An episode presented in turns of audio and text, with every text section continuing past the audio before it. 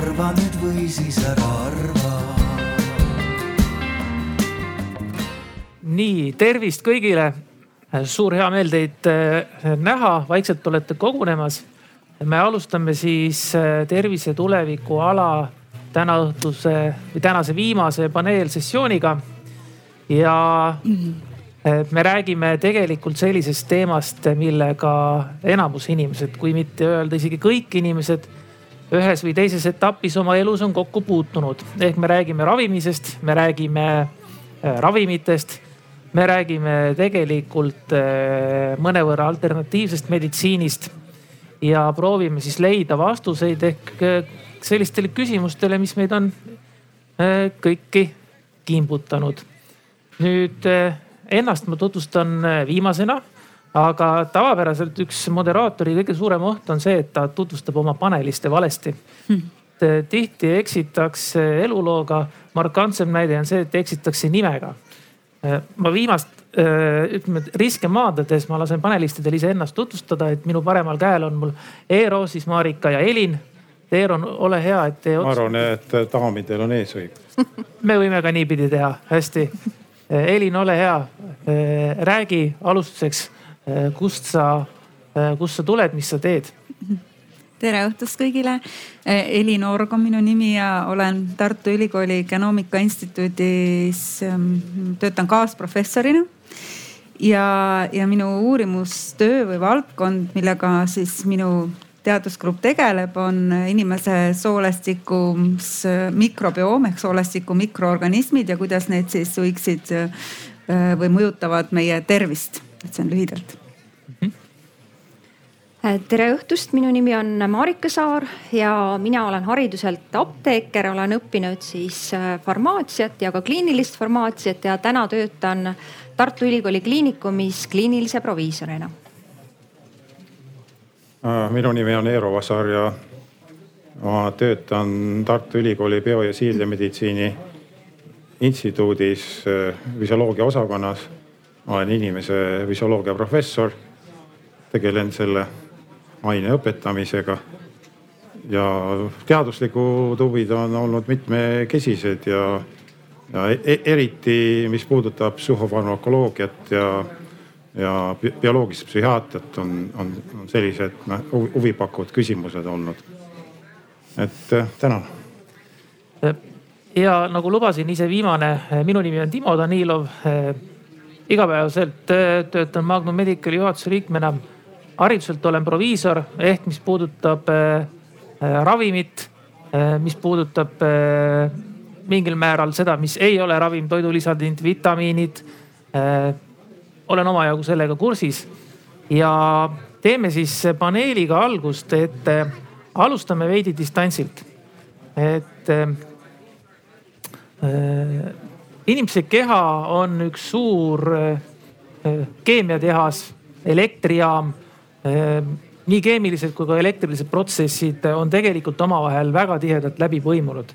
et Eero, alustame sinust, et kui palju me hinnanguliselt täna üldse teame inimese organismist, erinevatest toimemehhanismidest ning, ning tegelikult nende mõjutamisest?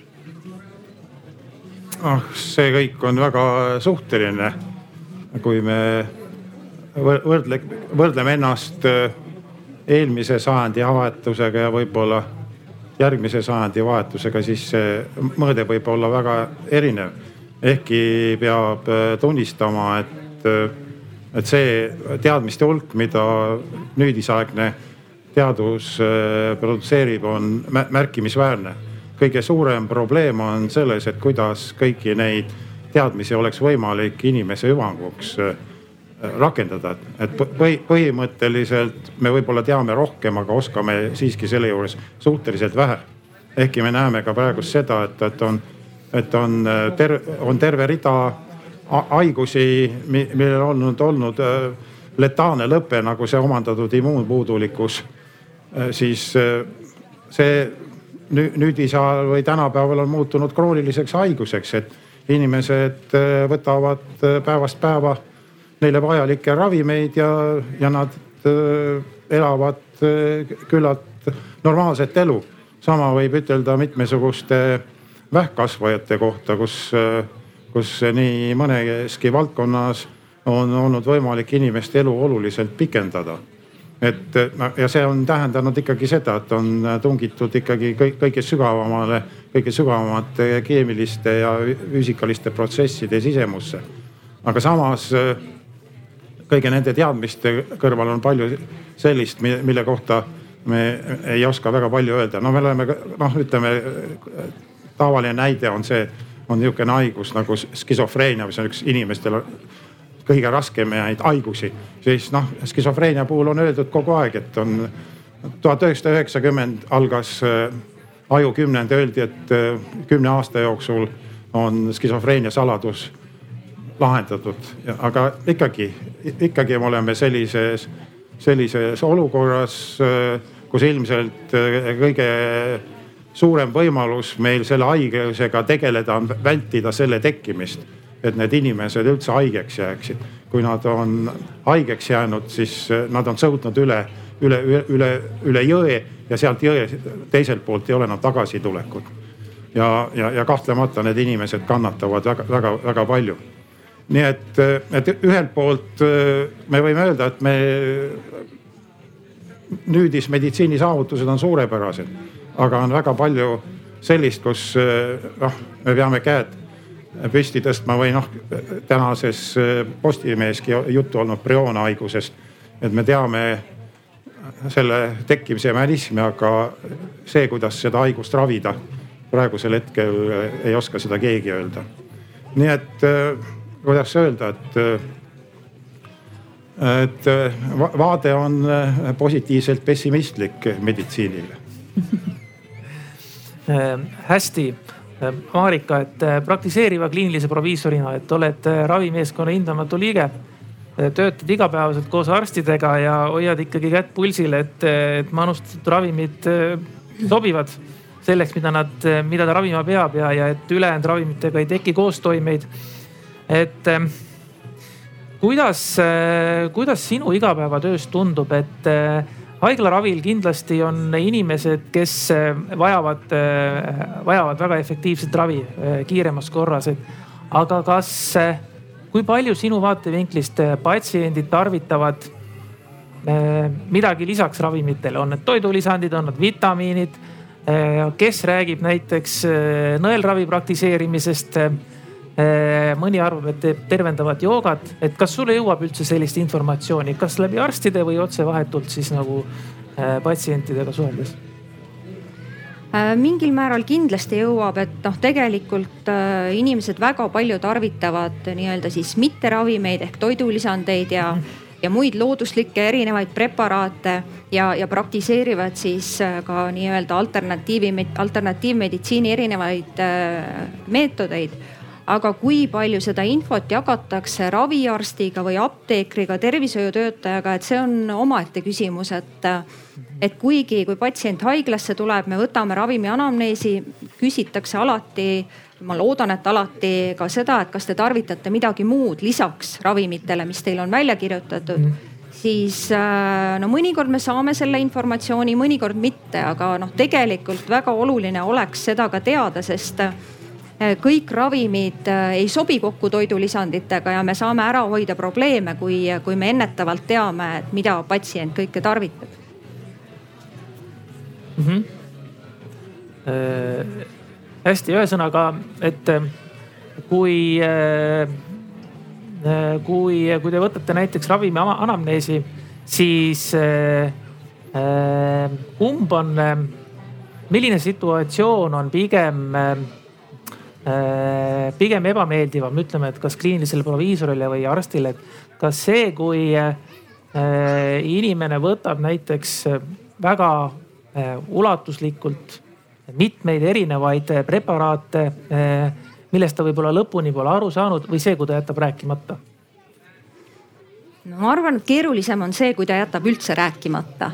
Sest äh, kui ta räägib ja me näeme, et ta võtab, äh, võtab midagi, näiteks mõnda toidulisandit, mis tema äh, arsti poolt välja kirjutatud ravimitega ei sobi, siis on alati võimalus nõustada ja rääkida, et, et mis on selle kokkusobivuse probleem või võimalik tagajärg. Ja, ja selgitada, et, et võib-olla ühel või teisel ravim, toidulisandil ei ole ka mingit talle vajalikku toimet ja nii edasi aga kui, kui me midagi ei tea, kui patsient midagi ei räägi, no siis me ei saa ka mitte kuidagi teda aidata või nõustada või informeerida. et teadmatus on ikka alati hullem. Elin, sinu uurimisvaldkond keskendub tegelikult eh, siis inimese mikrobiomile ehk siis inimese sees oleva mikrofloora enda geneetiline materjal ja kuidas see mõjutab meie organismi nii palju, kui mina olen eh, nüüd tudeerinud ja proovinud aru saada eh, siis sinu, sinu siis ampluaast, siis tegelikult on see küllalt avastamata maailm. et me küll teame väga palju selle kohta, kuidas meie mikrofloora näiteks soolestikus kaitseb meid, on vajalik seedimises selle kahjustamine on seotud näiteks teadaolevalt diabeedi või artriidiga. aga mida sinu teadustöö või ütleme, et mida sinu igapäevane töö sulle praegu räägib sellest, eh, eh, mida tegelikult meie mikrofloora meil teeb? jah, see on tõesti tohutu äh, suur kogum mikroorganisme, kes meil siis nagu lisaks on.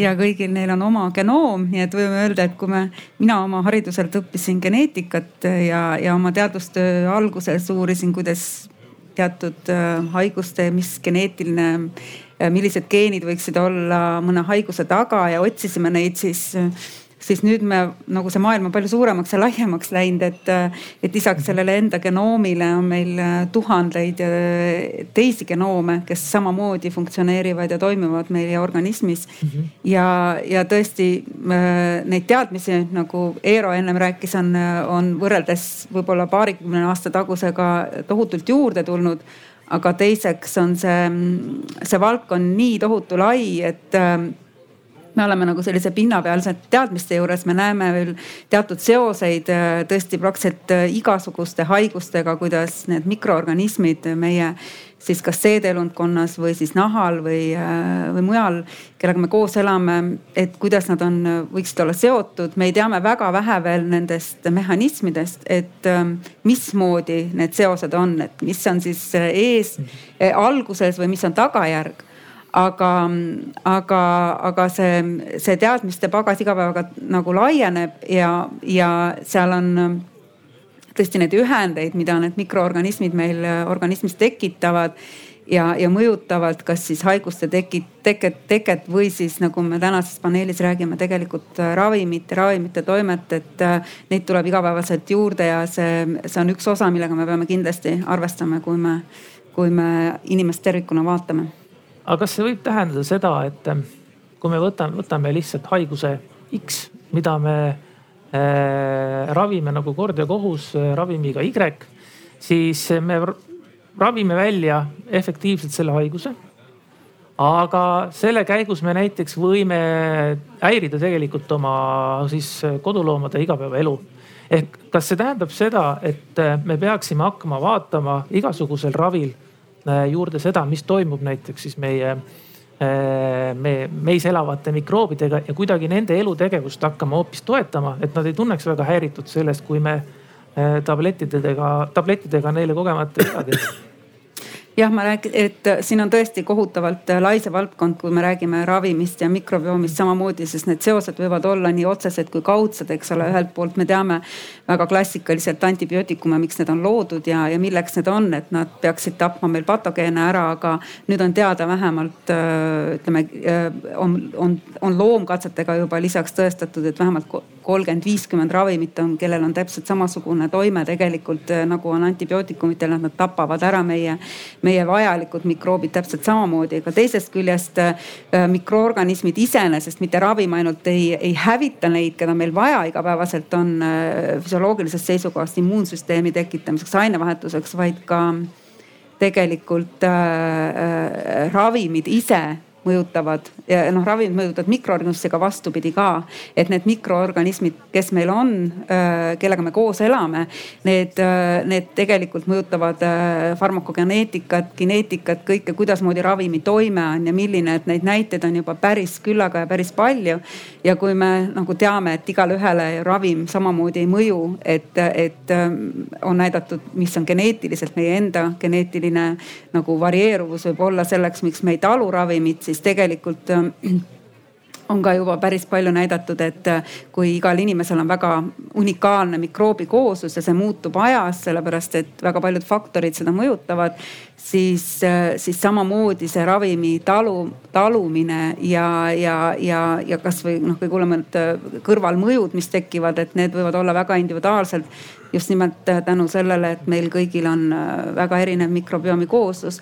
ja on tõesti välja käidud ja järjest enam räägitakse sellest, et tulevikus võiks olla see täpselt niimoodi, et kui me valime ravimi siis tegelikult lisaks sellele, et me peaksime saama andmed inimese võib-olla enda genoomi kohta, kuidas ta talub, kas tal on olemas teatud ensüümid, mis selle ravimi toimet mõjutavad. et me ka teeme tema mikrobiomi koosluse ja näeme, millised on need mikroobid tal, äh, kas siis soolestikus, eks ole, või muudes äh, organites või nii edasi, suus juba, et, et kuidas see võiks mõjutada ravimit ja kas see ravim üldse mõjub, et siin on näiteid jah, kasvõi näiteks vähiravimitest juba immuunsüsteemi muutmisest, mis on mikrobiomiga väga-väga-väga laialt, väga tihedalt seotud mm. -hmm. Äh, hästi äh,. maailmas on tegelikult äh, kasvamas äh, äh, ravimite tarbimine nagunii, see on päevselge, et äh, see, millise kiirusega ravimite turumaht näiteks kasvab äh, ülemaailmselt iga aasta on kolossaalne äh, ja sellel on muidugi väga-väga head põhjendused. Me oleme tegemas teadusega väga suuri edusamme, mitmed haigused, nagu Eero ka ütles, on muutunud eh, fataalsetest haigustest lihtsalt kroonilisteks konditsioonideks, inimene elab pikalt. Ehm, aga paralleelselt ikkagi eh, on meil mingisugune kontingent ja täitsa arvestatav kontingent inimesi, kes pöörduvad teatud määral alternatiivsete vahendite juurde, et, et see nüüd absoluutselt ei tähenda seda, et, et haiguse raviks näidustatud ravimit peaks jätma võtmata, absoluutselt mitte. tuleb tegeleda efektiivse ravimiga, aga kasvõi seesama nii-öelda mikrofloora turgutamine siis, kas näiteks nõelravi, et saada lahti kroonilisest valust.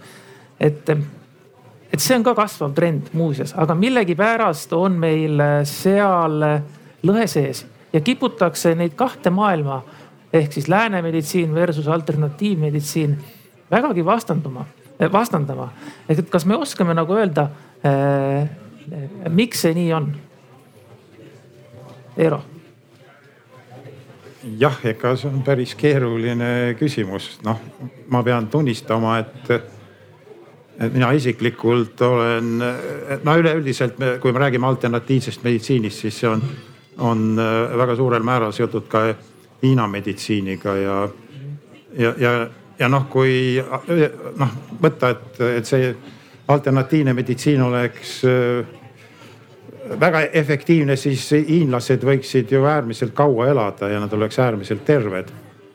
Aga noh, ma lihtsalt tegin selle oodatava eluea võrdluse Eesti versus Hiina aasta oli kaks tuhat üheksateist ilmselt äh, Covidi pandeemiaga, see seis on muutunud. meestel oli, Eestil oli see seitsekümmend neli koma neli aastat, Hiinas oli seitsekümmend neli koma kaheksa. naistel oli Hiinas seitsekümmend üheksa koma seitse ja, ja Eesti naistel oli kaheksakümmend kaks koma kaheksa. et selle järgi võiks öelda, et Eesti rahva meditsiin on parem kui Hiina oma, nii et äh, sellest võib igaüks oma järelduse teha. ehkki samas kindlasti on niisugustes protseduurides, kui neid ühildada mingisuguste teiste tegevustega, võib kasu olla. no väga palju räägitakse platseebo efektist, on ühelt poolt on platseebo efekt ja teiselt poolt on notseebo efekt. et on siis eh, positiivse toime esilekutsumine ja negatiivse toime. räägitakse, et, et noh, suures mõõdus räägitakse et, et kolmkümmend protsenti meditsiinist ongi platseebo ja on, on, on osa inimesi, kes on siis hästi platseebo tundlikud ja, ja kes siis, see on, see on midagi sellist, mis on mingisuguse positiivse eelootus see on seotud nende ajuosadega, millega on seotud meie motivatsioonid, sõltumine, tahtmine. ka, ka selline käitumine nagu asenduskäitumine, see tähendab seda, et kui me ei suuda midagi läbi viia, siis me hakkame midagi teist tegema. eriti levinud on see poliitikute hulgas. et ma arvan, et kõige osavamad Eesti asenduskäitujad on Toompeal et ja, ja, ja, ja siin ongi seesama ilmselt Toompeal võiks uurida Hiina meditsiini hästi, et, et seal võiks see efekt olla päris võimas. noh, aga see selleks. Aga, ja teiselt poolt on notseebo. no notseebo on see, et noh, nagu igasugused voodoo surmad, et kui te olete mingisugust pattu teinud, siis inimesed siis mõne päeva jooksul kustuvad. ja alati tuuakse üks selline näide see, see, selle näide, näite on üles korjanud ka see populaarne Soome teleseriaal Pulss, kus äh, on järgmine lugu. no noortel inimestel, kes käivad koos, ikkagi juhtub seda, et nad, nende suhted katkevad ja, ja midagi ei ole teha. Äh, armastatu kadumine on sama valus kui äh, morfiini ärajääma nähud. see on, see on tõsiselt halb seisund. ja aga mis juhtus, et see noormees oli samal ajal oli ka antidepressantide uuringus ja see oli kaksi pimedal meetodil. ja siis ta vaatas, et ah, et eluga on kõik, nüüd võtan need äh, ravimid sisse ja, ja, ja ei taha selle eluga ja, ja siis ta võttis sisse ja siis kümne-viieteistkümne minuti pärast hakkas ta väga halvasti ennast tundma, siis tuli hirm, kutsus sõbrad kohale, need kargasid ümber tema, vaatasid, katsusid, kutsusid äh, kiirabi välja, need vaatasid ka, et asi on halvasti. siis otsustati üles otsida see arst, kes seda äh, noh katset läbi viis, et ja siis see arst murdis selle koodi lahti ja ütles, et, et, et olge rahulik, te olete platseebo rühmas ja, ja noh, ja siis viieteistkümne minuti pärast olid asjad lahendatud ja, ja see, selle asja nimi on notseebo. et need, need asjad võivad olla äärmiselt tugevad ja kui noh, arst suudab niisuguseid asju piisava oskusega inimese jaoks rakendada, selle, selle kohta öeldakse inglise keeles why not et, et, et, et see ongi, see ongi sellise, sest ega üks asi on arstis teadusega, teine asi on, arst, arst, arstimine on kunst.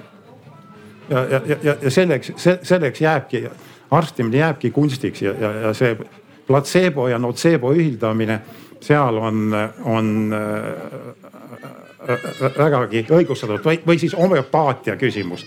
hästi väikeste annustega ja seal on ka välja väga palju platseebot, siis väga vinge platseebo näide on siis Silicon Valley's mikro LSD dooside kasutamine nende, nendel inimestel, kes siis seda maailma nagu e-, edasi veavad ja arendavad igasuguseid välja, et võtavad väikse LSD annukese iga hommiku sisse, nad tunnevad ennast palju paremate inimestena, palju intensiivsematena, palju tegevusvõimelised ja nad tegutsevad. ja siis äh, David Nutt uuris, see on mees, kes on psühhoteelise psühhiaatria taga, äh, kellega on seotud praegust seda, et maagiliste seente psühhotsübiin on rakendumas meditsiinipraktikasse, siis tema uuris neid mehi ja ütles, et aga kulla mehed, teil on tegemist platseebo efektiga. ravim ei toimi teil veel nendes annustes. nii et eh, noh, see, see näitab tegelikult inimelu mitmekesisust ja kui Silicon Valley ratsutab LSD mikrodooside otsas, siis, siis võib olla ka ja, ja noh, muidugi on küsimus ka, kui me räägime nõelravist, siis see on ikkagi seotud mingisuguste närviteedega. ja, ja on üks niisugune spetsiifiline nõelravi vorm on, on inimese kõrv meenutab inimese loodet. see on nimelt see auriikulateraapia, siin on omad punktid ja siin keskel on maksapunkt ja kui te sinna maksapunkti panete nõela sisse, siis te jõuate küllaltki lähedale uitnärvile see on närv, mis sisuliselt katab kogu meie organismi. see, millega on seotud ka meie kõhutunne ja kõik niisugused asjad et ma, ma, ma jäängi rääkima sellest, et, et. see on ei väga-väga põnev, et kuna meil muuseas alternatiivmeditsiini esindaja viimasel hetkel ka oli sunnitud mitte osalema, et siis ma natuke esindan ka seda koolkonda ise moderaatorina. et aga ma tahangi öelda seda, et tundub, et, et see taandub ka isiklikule kogemusele, eks ole et, et noh, platseeboefekt, mida me tunneme äh, lääne meditsiinis, ma üldse ei taha tingimata seda seostada näiteks Hiina meditsiiniga, sest teadupärast Hiina meditsiin on väga ikkagi põhjalikult ära tõendatud. ja noh, naljaga pooleks, kui sa Hiinas. kompartei põhiline, seal ei tohi platseebot olla. jah, just, et on ju, kui sa Hiinas oled ja, ja ütleme, et võtad tableti, siis sul teine sõber hiinlane küsib, et kuule, sa oled läinud alternatiivmeditsiini rüppena, onju et eh, seal on võib-olla asi vastupidi, aga siiski äh,, Marika äh, ka ütleme, et süvenedes natuke ajalugu, et ajalukku, et kus toimus siis selline äh, lääne meditsiini äh, triumfi algus, noh vähemalt mida me kogeme oma kultuuriruumis ja oma, oma inforuumis. ehk see, mille keskel meie suuresti elame. siis äh, kroonikud arvavad, et eh, selleks suurimaks tõukajaks oli eh, penitsilliini avastus eh, tuhande üheksasaja noh kolmekümnendatel ja neljakümnendate alguses ta siis võeti esimest korda kasutusele. et kuidas sulle tundub, et selle tempoga, kuidas täna ravimiarendus, meie diagnostikavõime areneb, et kas, kas on võimalik et eh, see lõhe ikkagi tulevikus hakkab näiteks kuidagi vähenema ja meie teadusesse tuleb rohkem tagasi need ravivõtted, mida me kasutasime enne seda, kui ravimid olid näiteks kas väga hästi arendatud ja muuhulgas ka väga hästi kättesaadavad. või on see pöördumatu protsess? no kindlasti mitte ei, ei tahaks ma siin äh, esindada seda arvamust, et, et see lõhe on ja jääb ja pigem suureneb. aga võib-olla ma alustaks sellest, et, äh, et et äh, mis hariduse ma olen saanud ja mis, äh, mis koolkonda ma esindan, ehk siis kui ma olen saanud nii farmaatsia kui meditsiinialase hariduse, siis ma parandama, paratamatult äh, pean järgima neid põhimõtteid, mida mulle on õpetatud. et mismoodi ravim töötab, mida me temast ootame, alati ju ravimi puhul kui, et ta üldse jõuaks selleni, et me saame teda patsientide ravis kasutada, peab tal olema tõendatud see, et kasu temast on suurem kui kahju või riskid. ja, ja tulles nüüd äh, nii-öelda toidulisandite või nende mitteravimite juurde, siis äh, eeldaks ma sedasama. Loomulikult see platseeboefekt, millest siin ka juttu oli, Eero põhjalikult rääkis, et, et see kõik on väga hea, aga, aga ma ikkagi pean Äh, pean äh, apteekrina ja oma eriala esindajana alati mõtlema seda, et, äh, et kas sealt võiks tulla ka mingi, mingi risk või kahju. noh, ma toon mõned näited, et, et kahjuks ma usun, nii kõik publiku hulgast on kogenud selliseid hetki oma, oma tuttavate Äh, või, või teate mõnda inimest, kes, kes on siis otsustanud alternatiivmeditsiini kasuks ja, ja jätnud ära mõne ravimi, mis on tema haiguse raviks määratud mm. -hmm. ja, ja sellel sageli võivad olla väga kurvad tagajärjed. see on üks asi, teine, mis selline riskikoht on, on, on ka see, et nagu ma päris alguses ka mainisin, et, et et äh, kuigi arvatakse, et äh, toidulisandid või looduslikud preparaadid, et äh, ta on looduslik, ta on ka väga ohutu, siis paraku mitte, et, et paljudel toidulisanditel või nendes sisalduvatel ainetel on, on olulised koostoimed ravimitega. et nad võivad ravimitoime muuta olematuks, noh näiteks üks väga ka Eestis väga levinud ravimtaim, mis ka mitmetes looduslikes preparaatides või toidulisandites on naistepuna. et naistepuna näiteks äh, mitmete ravimitega, näiteks immuunosupressandid, mida kasutavad siis patsiendid, kellel on tehtud elundi siirdamised ja see on neile hädavajalik, et ei tekiks äratõukereaktsiooni siis seesama naistepuna või selles sisalduvad ained äh, vähendavad nende ravimite toimet, mis on noh patsiendi, äh, patsiendi tüsistuste tekke või äratõukereaktsiooni riski äh, tekke osas väga tõsine probleem. et ja, ja nendel samadel toidulisanditel on ka kõrvaltoimed mis äh, ei ole mitte olematud, et looduslik ja ohutu, et, et mm. kõik niisugused asjad ja, ja tegelikult ka kolmas aspekt, et et need toidulisandid sageli on, on ka küllalt kallid või kulukad, et, et ka olen näinud seda olukorda apteekrina ja kolleegidelt kuulnud, et et patsiendid peavad tegema, seistes apteegileti ees ka valikuid, et kas ma võtan ravimi või ma võtan toidulisandi, aga toidulisandil on väga paljulubavad reklaamlaused, et ta aitab kõikide hädade vastu, mis mul ilmselt ka on ja, ja ta valib selle toidulisandi ja jätab talle vajaliku ravimi võtmata, et et noh, see on, see on omaette küsimus. aga küsimus kõigile, et kas see mitte pole pigem äh, küsimus või nii-öelda mure mitte ei seisne hoopis, pigem seisneb selles, et, et kõik, mis ei ole täna ravim klassifikatsiooni mõttes, et ähm, see maailm ei ole nii hästi süstematiseeritud, kui on näiteks ravimimaailm, mis tähendab seda, et meil on keeruline organi-, äh, orienteeruda. Äh, meil puuduvad teeviidad ja meil on raskem teha õigeid otsuseid ehk et äkki me peaksime keskenduma sellele, et me rohkem teavitame inimesi sellest, mis on ühe või teise eh, noh, kas toidulisandi kasu ja risk vitamiinide, mineraalide puhul samamoodi. et eh, kuidas, kuidas teile tundub kõrvaltvaatajate tarbijatena? Elin, Marika, Eero et võib-olla alguseks võib-olla ütelda seda loodusmeditsiini kohta, et et on, on tehtud selle kohta ülevaateid ja, ja mis väga selgelt on välja öeldud, et, tegelikult see teadmine, mis meil on nendest taimedest ja, ja ka loomadest, kes siis äh, produtseerivad kasvõi, kasvõi, kasvõi enesekaitse eesmärgil mingisugust äh, toimeainet, millel võib-olla meditsiiniline rakendus on väga väike. et tegelikult äh, see, see maailm on, on nagu läbi uurimata. aga te tegelikkuses ma arvan, et selles muutuvas maailmas kindlasti see vahekord võib muutuda, ma ütleme no,, inimesed on erinevad. et ütleme, et on, on üks bensiinimootoriga inimene, kellele siis antakse diiselkütust ja siis võib-olla antakse ka suhkruvett. et, et sa, sama asi on ka ütleme see mis on meie toidulaual, et praegust veganlus äh, muutub oluliselt populaarsemaks, sellel on ka omad kindlad põhjused ja üks põhjus on ka kogu need kliimamuutused ja, ja, ja mis iganes.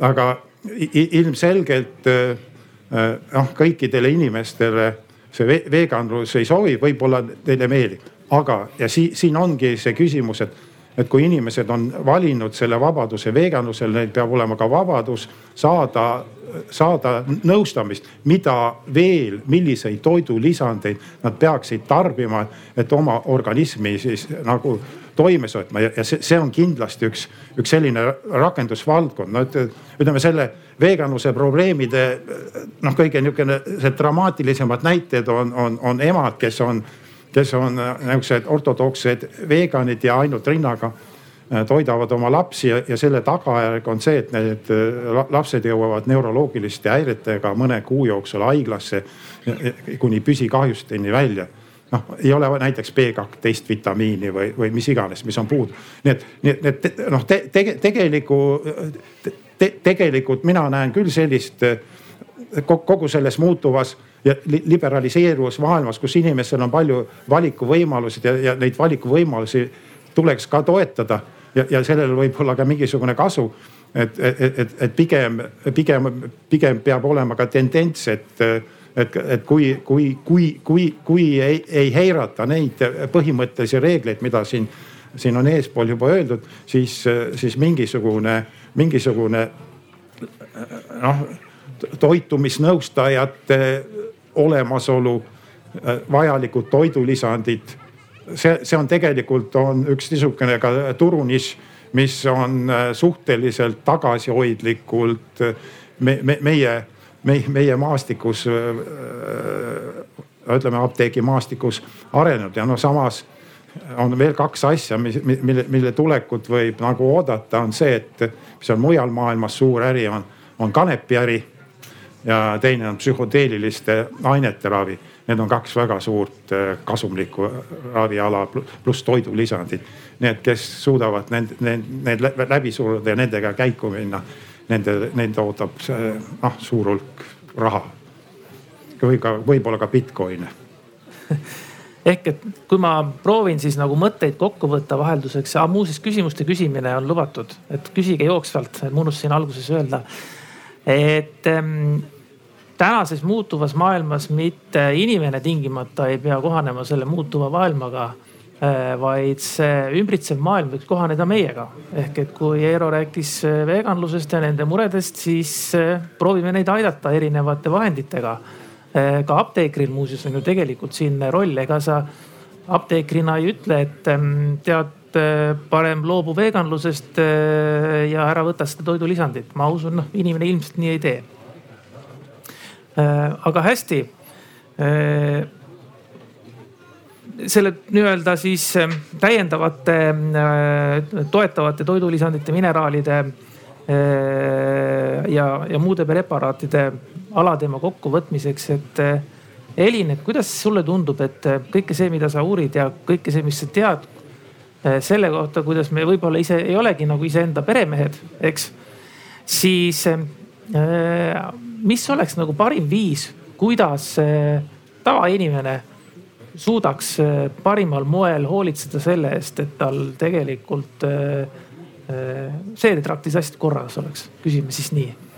või mujal nahapinnal ja no ma mainisin ka ennem siis mik mikroobi kooslus, suur mikroorganismide kooslus, et see on tõesti niivõrd temaga on keeruline sellepärast, et ta ei ole nagu meie muutumatu, vaid see muutub äh, väga palju, kogu eluaja jooksul muutub ja väga paljud faktorid muudavad seda ja üks, üks nagu põhilisi selliseid drastilisi muutusi on, on toit, mida me sööme ja tegelikult noh, sellest võib ka öelda, et saab väga palju alguse. Äh, noh, siin juba käiski, räägiti toidulisanditest, et miks meil neid vaja, neid toidulisandeid on äh, paljuski ja puudujääki teatud vitamiinidest ja nii edasi, et me tegelikult oleme ise selle nagu tekitanud ja, ja mitte ainult meie, vaid see toidulaud, mis meie ümber praegu on äh, viiekümne, kuuekümne aasta jooksul ja, ja muutub edaspidi, ei ole enam see, mis, mis oli ja neid uuringuid on väga palju tehtud ja näidatud, et need, need inimesed, kes, kes elavad kuskil, eks ole, maal või veel sellises ühiskonnaski lausa, kus ravimeid ei ole või toidulaud on äh,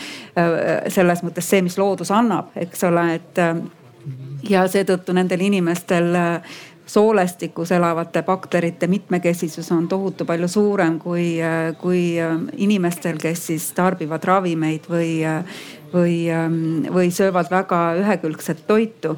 ja, ja, ja, ja noh, mina selle küsimuse vastusena ütlekski, et kõige esimene asi on vaadata üle oma toidulaud, et ei peakski võib-olla igat asja apteegist või toidulisandit võtma, vaid äh, proovida leida seda, mis võib-olla palju keerulisemaks lähebki ja, ja juba on läinud, et, et leida siis see, see üles see õige, õigete vitamiinide, mineraalidega ja, ja, ja toit, mis, mis tegelikult aitab, aitab nendel seedekelundkonnas olevatel mikroorganismidel siis äh, elada aga, ja, ja no mis ma nagu eelmise jutu nagu lätkuks tahtsin võib-olla öelda ka seda, et me, me väga keeruline on ka nagu, eks ole, nõu anda, et kui inimestele, et mis see siis on, sest me ju algusime sellega, et kõik see me ei tea, eks ole, iga inimene on nii erinev, et, et tõesti ma ei kujutagi ette, et anda kellelegi siis nagu otsest nõu, et mida täpselt tal siis vaja on, sest me nagu me näeme, et noh, genoom on erinev ja need tuhanded mikroorganismid oma genoomiga on erinev, et me, me peaksime siis tegema kõiki testima ja me, kui me testime praegusel hetkel hetkel, siis me ei oska ikka nende teadmistega nagu hetkel väga head nõu anda, et, et ma näen, et mida ma mõtlen lihtsalt seda, et ka liiga palju on noh, inimesed tarbivad väga palju ravimeid ja, ja just seda mitmeid ravimeid, et me seda keerulisemaks nad ajavad kõik selle süsteemi. ja, ja, ja, ja, ja mida me ise oma uuringutes noh, nüüd praegu näeme, et me oleme uurinud küll hetkel umbes kahte poolt tuhandet äh, Eesti inimese mikrobiomi kooslust ja vaadanud siis Eesti geenivaramu inimestel ja vaadanud siis nende haiguslugusid. ja, ja kui me vaatame siis, äh, mis, mis on need faktorid, mis seda mikro, soole mikrobiomi kooslust mõjutavad, siis me näeme, et ravimid on, on väga-väga tugevat mõju annavad ravimid ja, ja kõige huvitavam on muidugi noh, loomulikult me näe, teame seda, et antibiootikumid otsest mõju ja kohest mõju avaldavad. et kui me tegime sellise analüüsi, et me võtsime välja need inimesed, kes äh, olid antibiootikumi kasutanud poole aasta sees, sellepärast et see niikuinii mõjutab seda mikrobiomi kooslust. aga me vaatasime, et kui palju on inimesed kümne aasta sees võtnud ravimi, antibiootikumi ja, ja kui me näeme neid, et kes on võtnud üks kord, võib-olla üldse võtnud või on kümme korda võtnud või, või veel rohkem võtnud, siis me näeme seda düsbioosi või muutust mikrobiomi kooslust väga drastiliselt juba, juba tegelikult äh, nagu pikaaegse ravimite võtmise juures. ja Eesti tegelikult antibiootikumide tarvitamise mõttes ei ole esirinnas, eks ole, üldse maailmas, et, et neid riike Euroopas, kus, kus antibiootikumide kasutamine on, on palju suurem, aga, aga, aga ma arvan ka, et paljud teavad, et võib-olla oma, oma ringkonnastki, et, et neid antibiootikume on vaja muidugi võtta, selge. on, on asju, milleks, milleks on meil vaja antibiootikumi, aga ka väga kergekäeliselt on, on seda võetud eh, ja määratud eh, külmetushaiguste puhul ja nii edasi, kus tegelikult võib-olla tasuks, tasuks mõelda nagu, et miks me seda nagu teeme, et need teadmised kindlasti peaksid minema inimesteni, et, et see ühe korra eh, viie tableti võtmine viiel päeval päeval võib-olla, kui see pole vajalik, et see kasutegur või see kahjutegur võib olla tegelikult väga pika aja peale ja, ja, ja muuta seda düsbioosi ja mikrobiomi kooslust niimoodi, et, et see, see, see võib anda väga-väga drastilisi tulemusi hilisemalt kas, kas ma järeldan see, jaa palun muidugi. ma lisaks sellele, et on veel üks punkt on see, et ju eh, noh probleem on ju, me teame väga hästi, on Lõuna-Euroopas, kus noh. Sisuliselt ei ole enam antibiootikumid, millega sepsist ravida, aga seal on veel teine aspekt. ja, ja mis ilmselt noh ja, ja see kõik on mõjutanud ka tegelikult see, et Covid-19 oli sedavõrd halb Itaalias, on see, et loomakasvatuses, lihaloomade kasvatuses kasutatakse antibiootikume. et tegelikult e-, Eesti peaks väga hästi kontrollima neid lihatooteid, mis tulevad Itaaliast ja Hispaaniast et äh, sisuliselt sellega me suurendame seda antibiootikumide koormust, kui, kui, kui me tegelikult ise siin teadlikud oleme. et see on tegelikult on üks väga oluline kontrolli koht, seda ma tahaks lisada. hästi, et, et ma küsin siit kohe jätkuks siis, et aga mis me siis teeme? et kui hetkel järeldub, et äh, antibiootikumide kasutamine on niivõrd laialdane, et ilmselt enamus mikroobid on juba resistentsed, noh, kui ma lihtsustan niimoodi, eks ole, siis ma ütleks, talupoja mõistus ütleb, et tuleb ennetama hakata. okei okay,, tõsiseid asju me ei suuda ennetada, aga midagi me suudame äh, ennetada. et äh, ma ei räägi siin kätepesust või, äh, või käte desinfitseerimisest. mis viisid meil veel on, tugevdame immuunsust jällegi et ja. siin on veel üks sihukene vähe käsitletud teema on see, et meie organism ise produtseerib peptiidseid antibiootikume ja isegi on noh näidatud seda, et nendel on soole taktis on isegi rütm sõltuvalt selle mikroobide hulga, hulga suurenemisest hakatakse seda peptiidseid antibiootikume rohkem tootma. ja näiteks on äh, väga hästi näidatud ära äh, peptiidsete antibiootikumide moodustamine kopsudes et, äh, et siin on niisuguse huvitav tõsiasi, et kui me räägime maitse ja haiste retseptorist, et need on ninas ja need on keeles, aga tegelikult on nad üle organismi laiali. Ja näiteks eh, mõruda või kibeda retseptorid stimuleerivad nende antibiootikumide tootmist.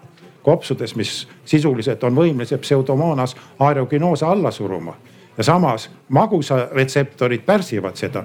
nii et need inimesed, kellel on kõrgel tasemel veresuhkur, sisuliselt on ka pärsitud antimikroopsete eh, või peptiidide tootmine nii et, et see on, see on, see on teine, veel üks valdkond, mille, mille, millega saaks no, läheneda, et me peaksime olema, olema oskuslikud ja võimelised ära kasutama seda ressurssi, mis on meie organismis endas olemas mm. -hmm.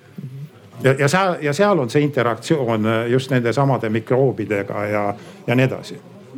Aga see eeldab seda, et alguses aeta segamini seda, seda ei, kõike ei, juba, juba sellega, eks ole, selle sünniga või alguses selle lapse no, toitmise ja kõigega. noh, see, see esimene kõik... eluaasta ongi sisuliselt, äh, kui see meie sooletakti mikrobiom üles ehitab, tekivad äh, nende verefaktorite vastased äh, antikehad ja kõik see organism ehitub üles ja see, see ongi väga kriitiline. see on kõikides, nagu me ütlesime, et ainevahetus on kõrge väga palju tuleb aineid ette anda ja samas tuleb vältida ka igasuguste kahjustuste tekkimist sellel perioodil, et, et sellega programmeeritakse sisuliselt meid kogu eluks et aga kuidas varasemalt omavahel ka oleme rääkinud, et äh, käsitleks korra inimese vanust. Et äh, noh, teadupärast vanusega toimuvad väga mitmed muutused, eks ole, et inimene vananeb, üldjoontes metabolism läheb aeglasemaks.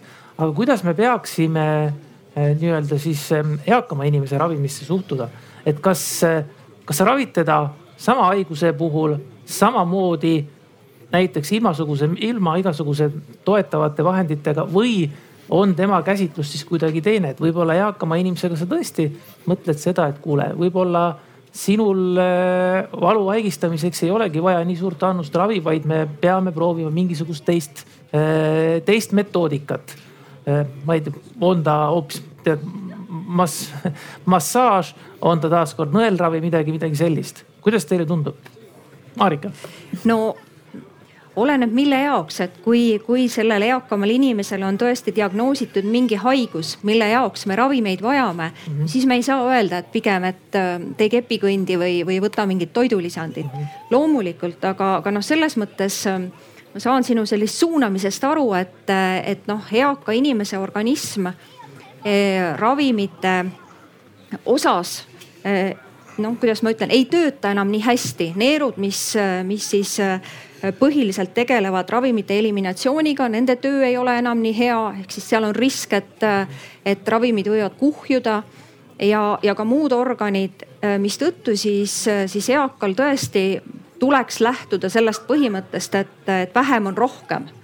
Aga, aga muidugi me ei saa jätta ravimata siis neid haigusi, mis ravimeid vajavad.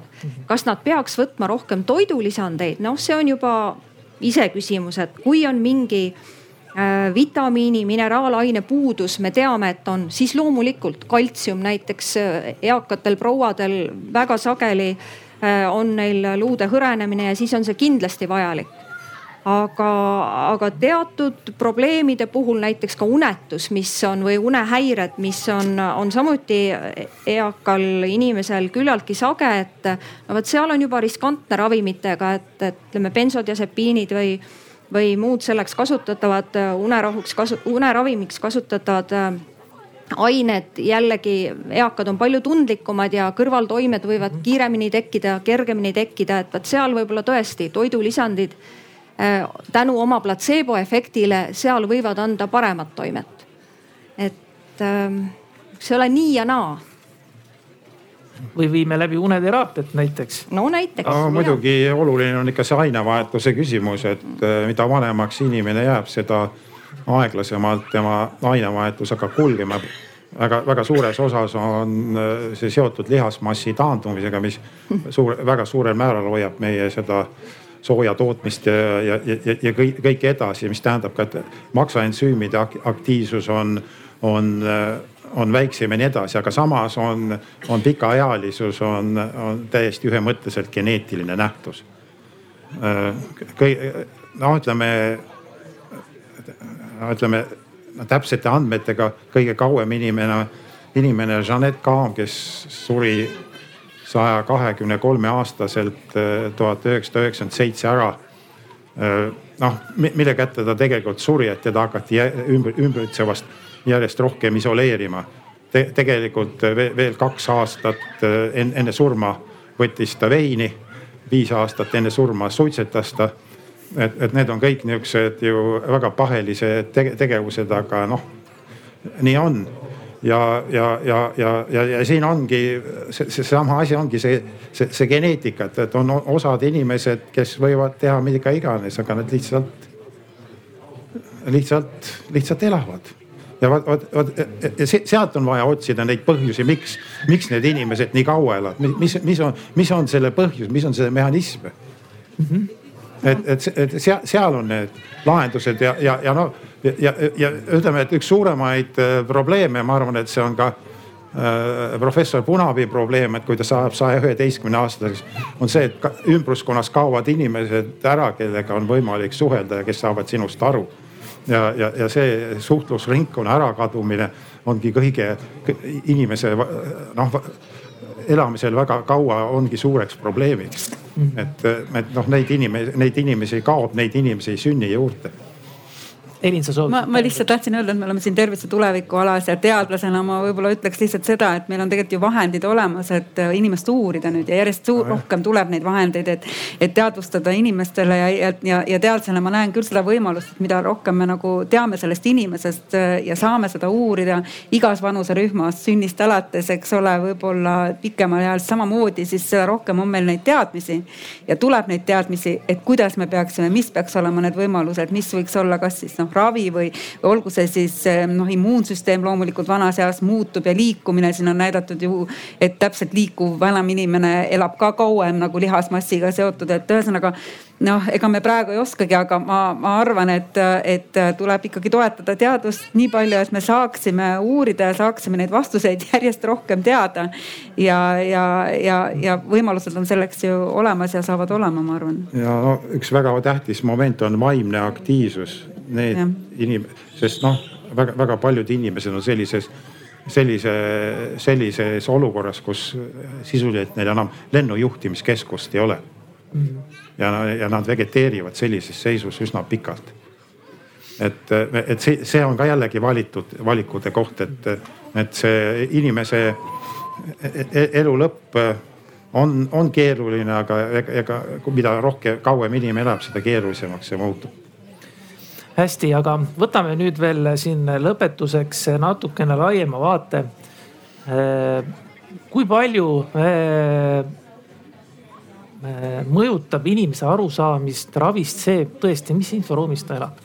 meil on seda keeruline hinnata ilmselt, me elame kõik sellises keskkonnas, kus on väga hea kätte, nii-öelda väga hea ligipääs tervishoiuteenustele ikkagi päris hea ligipääs ravimitele, eks kui me noh võrdleme näiteks äh, vaesemate riikidega. et äh, aga mind endiselt kum, kummitab nagu see, see keskmise hiinlase mõte. et kui Eero tõi välja, et hiinlane elab tegelikult millegipärast, oodatav eluiga on nagu natuke lühem kui näiteks siin Eestis, eks. meestel vist oli, kui ma õigesti ütlesin, oli.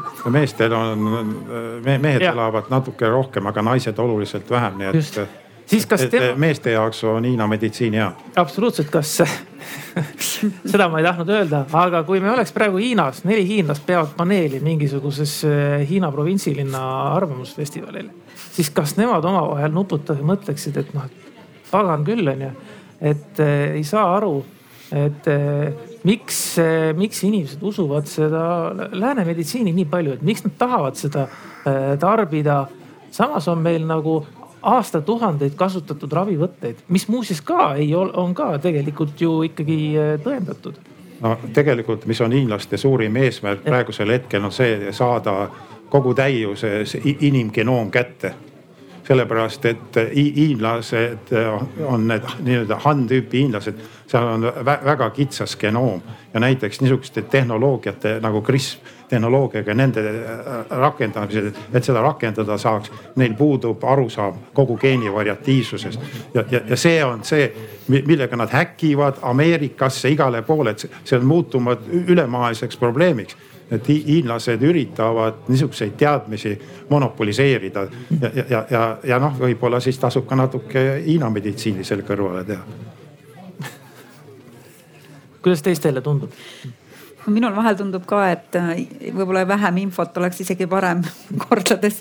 ja eks me, ma arvan, et äh, praegu veel äh, vähemalt meie põlvkond või minu põlvkond ikkagi kasutab ka mitte Hiina meditsiini, aga Eesti rahvameditsiini, oma vanavanemate tarkust ja, ja seda püüda ka mingis otsas ikkagi edasi anda nagu rahvameditsiini tarkust võib-olla, et nagu me rääkisime antibiootikumide asemel köha juures hoopis kasutada mõnda ravimtaime veel kuskilt, eks, et et, et ei minda nagu hulluks selle infoga, et püüda siis nagu kõike luua, sest noh, teadlased ei oska seda kokku panna, siis ma kardan, et ähm, tavainimeste võib, võib-olla noh, ei, ei ütle, et nad ei oska, aga see on keeruline, eks ole, endale mõelda ise välja, mis see siis parim ravim on mulle mm. -hmm. aga kuhu me tulevikus läheme, et, et me oleme saavutanud selle, et me elame kaunis pikalt Äh, mida pikemalt me elame, seda rohkem on meil kroonilisi haiguseid. mida rohkem on meil haiguseid, seda tihtilugu, seda komplekssemaks need haigused lähevad, kasvõi pahaloomulised kasvajad, mis on väga äh, kõrge muteerim-, muteerumisvõimega haigused, eks ole. et üks hetk sellest lääne meditsiini filosoofiast, kus me äh, tegeleme ainult sihtmärgistatud raviga, äkki enam ei piisa, sest haigused on läinud niivõrd siiruviiruliseks, et ongi vaja midagi komplekssemat. mis me siis teeme? et näide oli, et antibiootikumidega on probleem sest kasutatakse niivõrd massiliselt, et eh, nende toime hakkab vähenema. Eh, ilmselt ka nende, ütleme, et nende väljaarendamine või siis nende pealetulek on tibaloid. noh, seda me teame ka, et mis siis, mis siis tulevik on, kas üks hetk see lääne meditsiini eh, meeletu populaarsust ja see, ja see, ja see edu, mida ta praegu naudib ja mis on ka põhjendatud absoluutselt.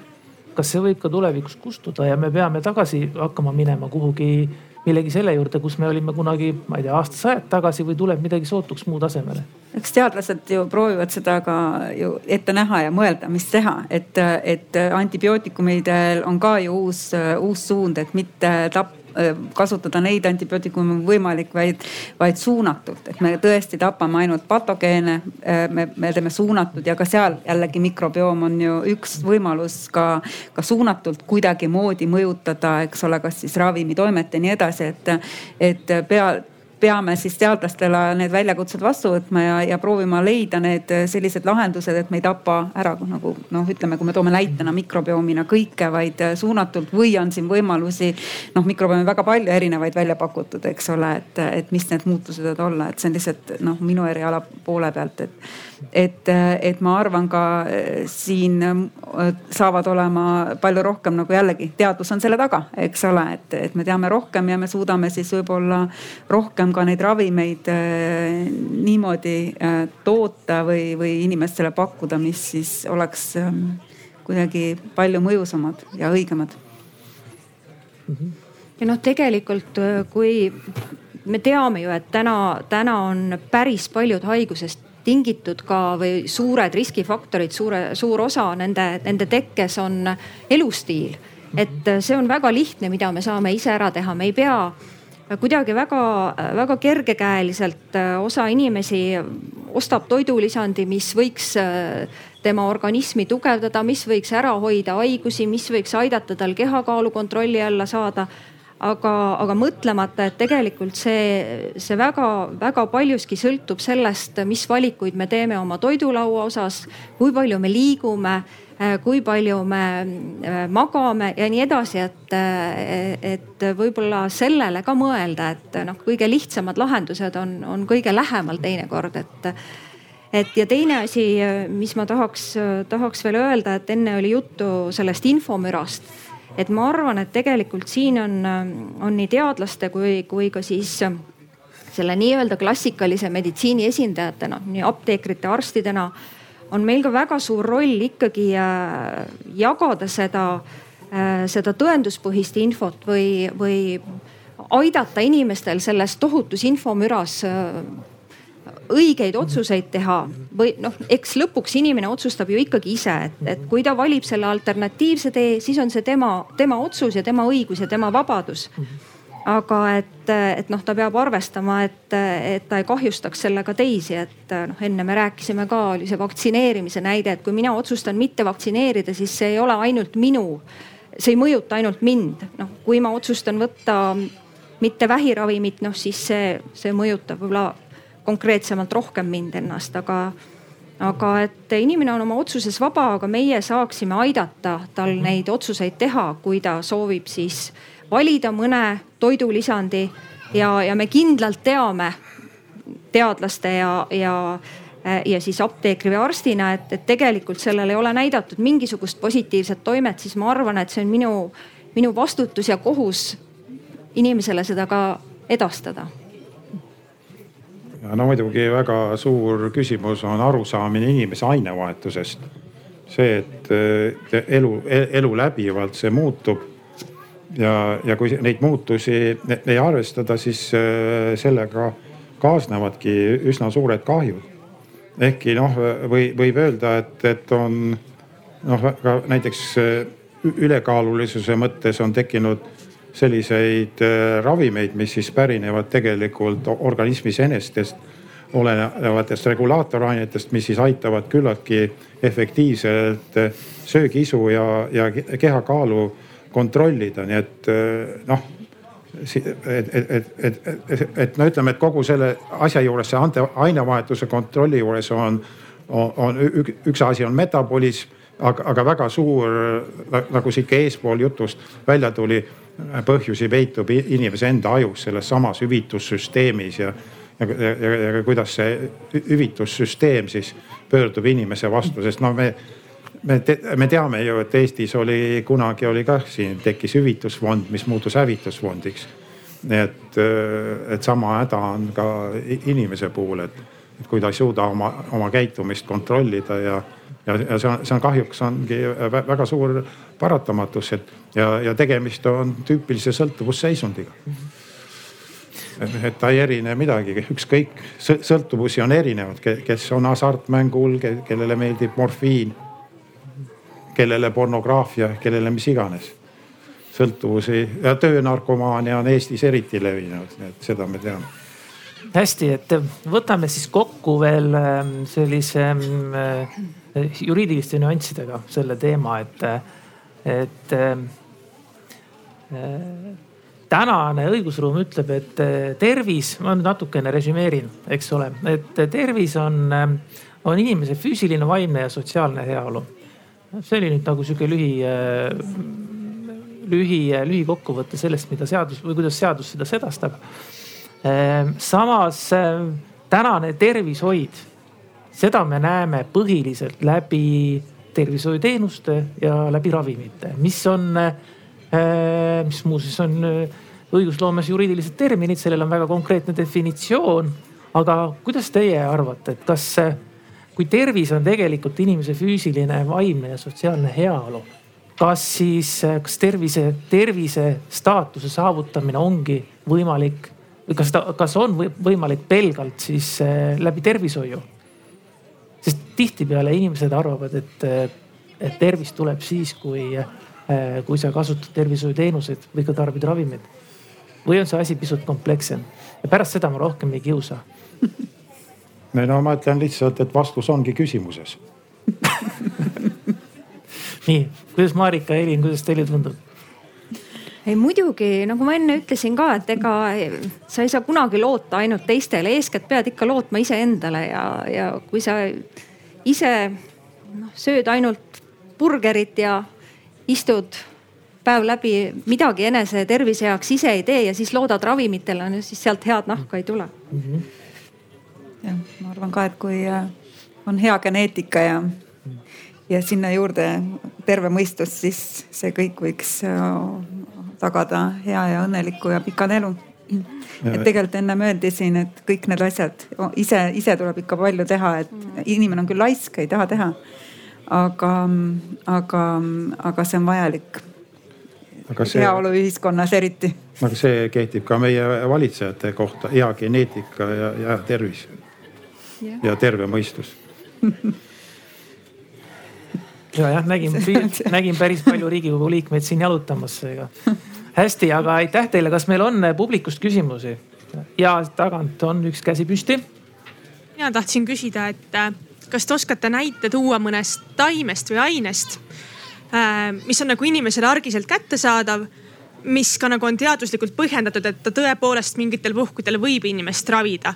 no näiteks, kui mul on külmetus, ma söön näiteks Wingberry juurt või joon kummeliteed et kas see on nüüd platseebo või seal on ka teaduslikult midagi taga, et ta tõepoolest võib mind ravida. ja kui te nüüd vastate, et tegemist on platseeboga, kas siis nüüd tulevikus see üldse aitab mind enam, kui ma tean, et tegemist on platseeboga, et see rikub nüüd kõik ära minu jaoks ju. No näiteks, kui on külmetus, siis äh, kindlasti võiks juua pärnaõieteed, võiks juua angervaksateed, et neil on, nendes sisalduvatel ainetel on higistamist soodustav toime ma arvan, et seal ei, ei pea ainult platseeboefekt olema, et need ka aitavad. loomulikult, kui tekib äh, juba infektsioon, tekib angiin, kopsupõletik, no vot siis äh, ei aita ei platseebo ega, ega ka need taimeteed, et siis kahjuks me peame pöörduma selle nii-öelda tavameditsiini poole, aga, aga tegelikult on meil päris palju looduslikke aineid või ravimtaimi, milles sisalduvad komponendid on näidatud, et nendel, nendel on teatud siis sümptomite leevendamiseks toime või teatud te,, teatud seisundite korral, on ikka. nojah, kui seal sisalduvad niisugused ained, mis toimivad universaalsele külmaretseptorile, see on DRM kaheksa, siis on, on kindlustatud, et ahenevad veresooned, väheneb turse ja olukord leeveneb ja, ja väga paljudel niisugustel ainetel ongi selline toime, et nad toimivad konkreetsetele sensoritele.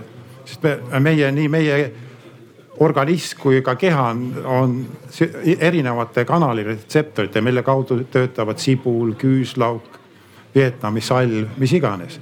ja, ja kõikidel nendel on teatud situatsioonides on mõju ja see ei ole ainult platseebo platseebo on, võimendab seda, et meil on su suur usk helgesse tulevikku. kommunism paistab silmapiiril ja haigused kõik lahenevad äh, mina küsiks ka ajendatult natukene eelmisest küsimusest ja, ja vaadates, et tervise tulevik, et kuidas te teadlastena suhtute, et äkki peaks rohkem uurima tõesti seda rahvameditsiini ja nende ravimtaimede mõju, et kui me siin kuuleme, et, et mõruretseptorid äh, aitavad seal kaasa nende äh, anti, antibakteriaalsete peptiidide tekkele ja nii edasi ja, ja kui ma mäletan, professor Ain Raal ütles, et Eesti ravimtaimedest on üheksal täiesti põhjendatud teaduslik äh, toime aga lihtsalt häda on selles, et äh, raha on vähe, et tegelikult võiks neid ravimtaimi palju rohkem uurida ja siis me teaks ka teaduslikult palju rohkem, et äkki see on hoopis äh, tulevik?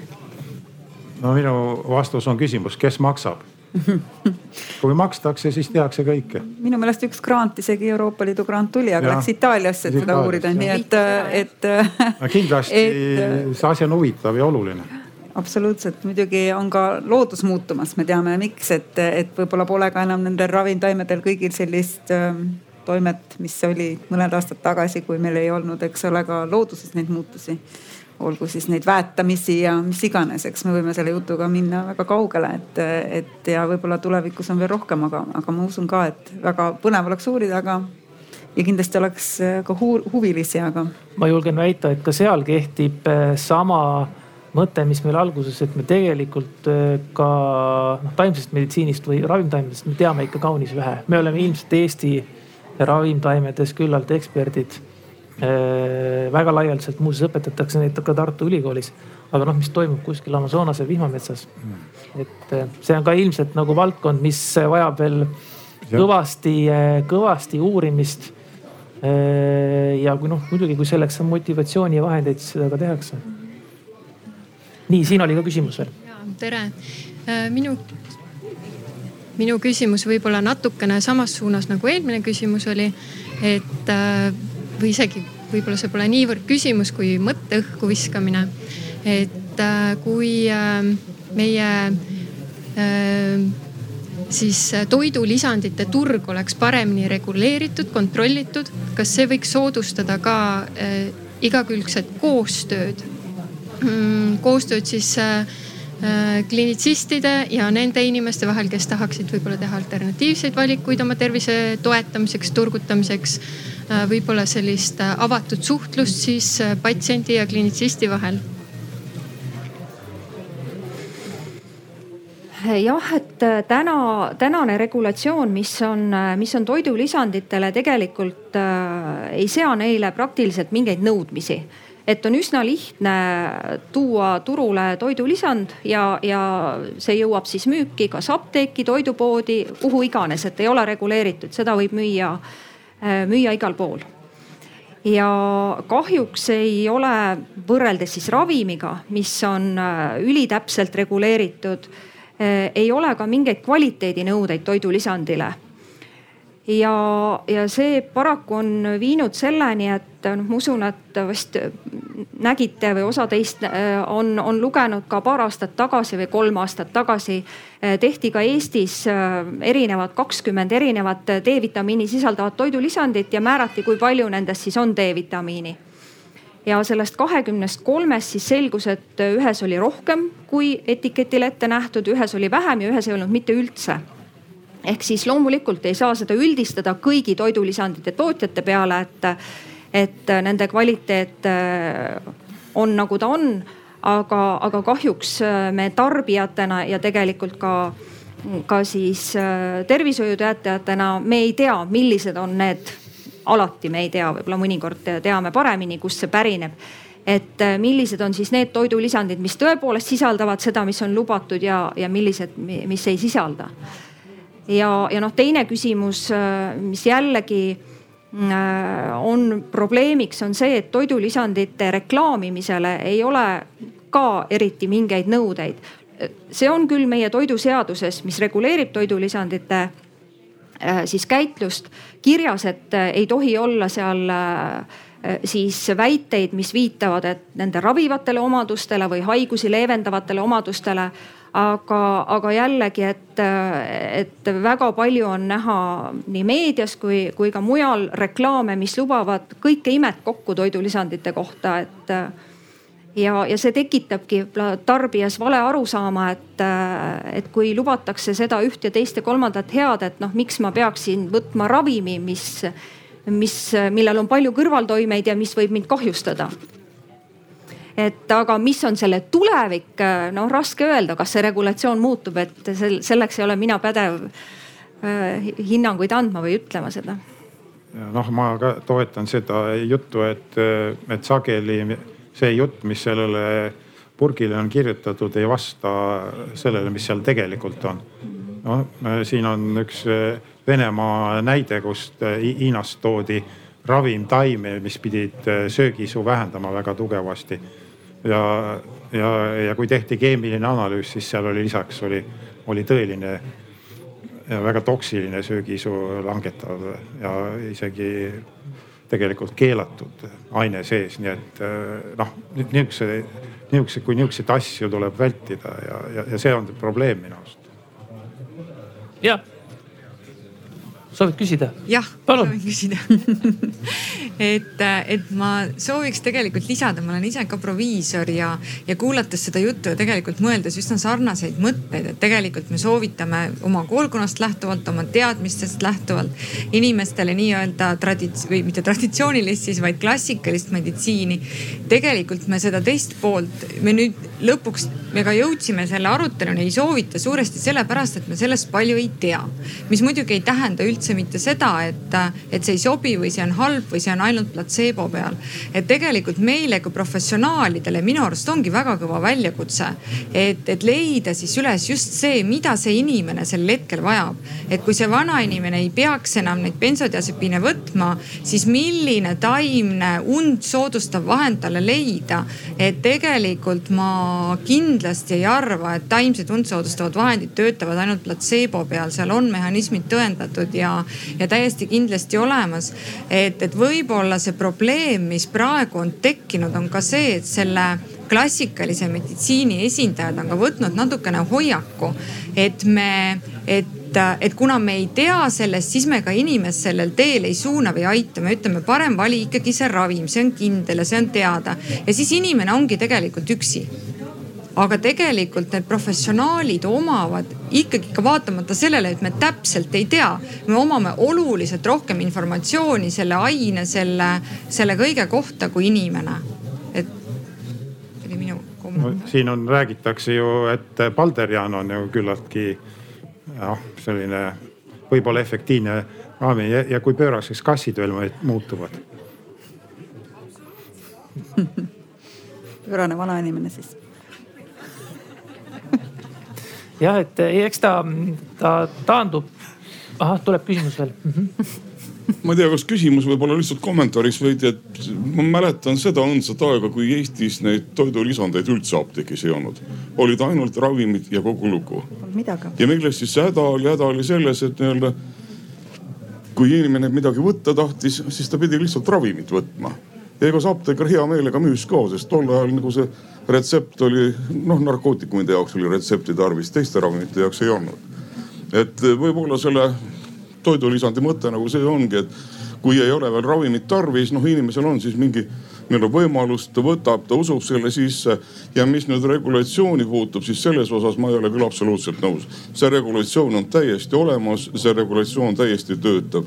on lubatud väited, mida võib seal mingi aine, aine kohta kirjutada, see tabel on päris mitu tuhat rida suur ja noh, kui keegi nüüd rikub seda seadust, noh jumala pärast, kaevake siis Ravimiametisse ravimiamet läheb, teeb selle asja väga kiirelt korda. tähendab raviväiteid toidulisanditele ei tohi anda.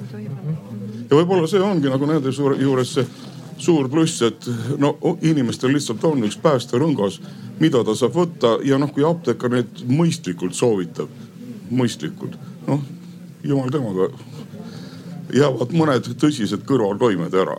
aga üks teine küsimus on veel see, et tähendab keskmine eluiga on nagu natuke suurenenud vist mitte väga palju, võib-olla mõned aastad, ma ei tea, kui palju. aga on teine mõiste on nii-öelda tervena elatud aastad. ja tervena elatud aastad on vist jäänud üsna sellesama taseme peale, kus, kus ta oli, võib-olla natuke on suurenenud ravimikulutused on suurenenud väga oluliselt ja küsimus ongi selles, et nii-öelda kas on mõistlik kulutada ravimi, ravimite peale selleks, et nii-öelda saada lihtsalt mingeid selliseid poolvinnas eluaastaid juurde. et ma oleks nagu huvitatud sellest, et tervena elatud aastaid võimalikult palju oleks, aitäh. nii, kes alustab, kuidas tundub? et äh, ma arvan, et need, äh, kellel käest küsitakse, et, et homsest ravimeid ei saa, et hakake kisturaha korjama, need väga õnnelikud sellest ei ole inimene tahab ikka elada ja, ja kui tal vähegi sära silmades, vaatamata kõikidele haigustele ja tema oskused aitavad ühiskonda edasi. miks mitte, me, me, me, me ei saa kõiki asju liiga ühemõtteliselt võtta. aga, aga, aga, aga, aga noh, aga samas me peame ka midagi arvestama, et kuskohast me tuleme, et kus, kus kohas on see meil see ankur, mis on meie arengut väga tugevasti pidurdanud me ei, me ei tohi ära unustada tasuta Nõukogude meditsiinihüvesid, mis ikkagi, äh, mille lähenemine ikkagi kohati oli ikkagi väga äh, mõttevaene ja, ja, ja ma arvan, et me näeme neid tagajärgi siin äh, paljuski veel edasiste aastate jooksul selles, et me ei tohi oma ajalugu unustada. me, me sellepärast ei saa kuidagi ennast ei Soome, Rootsi, Norra, Taani ega Islandiga võrrelda see on jällegi pessimistlik optimism. nii, veel üks küsimus. tervist, et äh, et siin küll räägitakse palju ravimitest ja mitteravimitest, aga üldiselt äh, selleks on vaja ikkagi diagnoosi. ja vähemalt enda sihukesest isiklikust kogemusest on pigem jäänud mulje, et inimesed diagnoosivad ennast puusalt ja mõne sihukese tähekaardi järgi. et kas äkki on Eestis üleüldiselt väga vähe sellist päris testimist, et mis sul viga on, et mis su vereanalüüs on, mis su geenikaart ütleb, mis su mikrobiomis toimub. enne kui üldse peaks midagi otsustama, et kas võtta toidulisandit või ravimit. no ma arvan, et Eesti meditsiin puusalt ei tulista. selleks ikkagi äh, tehakse palju erinevaid uuringuid ja, ja kõigele lisaks on üks, üks sihukene huvitav asi, mis kuulub hea meditsiini juurde, on on äh, hea arsti kõhutunne. kui ta näeb äh, patsienti, siis ta enam-vähem juba teab, mis sellel viga on. ja, ja, see, ja see ongi see meditsiinikunsti ime. ja, ja, ja siis selle põhjal hakatakse siis äh, igasuguseid erinevaid diagnoose või ütleme e, e, uurimismeetodeid ja, ja nii edasi. ja need uurimismeetodid, mis on nii Tartu Ülikooli kliinikus kui ka Tallinna haiglates, on väga mitmekesised ja, ja on võimalik ka muid meetodeid ka igalt poolt mujalt, sest noh, seda tegelikult seda potentsiaali, et hea diagnoos püsti panna on piisavalt Eestis. mitte võib-olla kõikide asjade suhtes, ütleme seesama geenivaramu äh, ja, ja, ja kogu see, kogu, kõik need asjad.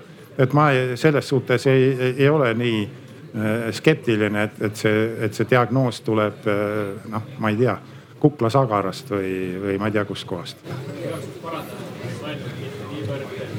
tervishoiutöötaja paneb diagnoosi puusalt, vaid inimene paneb diagnoosi endale enne, kui üldse keegi teine sinna sekkub. no aga see on inimese vabadus seda teha ju. me elame ju demokraatliku, demokraatlikus riigis ja me, iga inimene võib endale diagnoosida mida iganes ja no Juhan Smuulil oli ju see kuulus polkovniku lesk hästi, aga tänaseks on meil aeg lõppenud, et suur-suur tänu kõikidele panelistidele, nad väärivad aplausi. ja eh, on ka tänukirjad ja, ja tänukirja sisu on see, et te toetate oma osalusega Teeme Pai kampaaniat. seega suured tänud osalemast. selge see,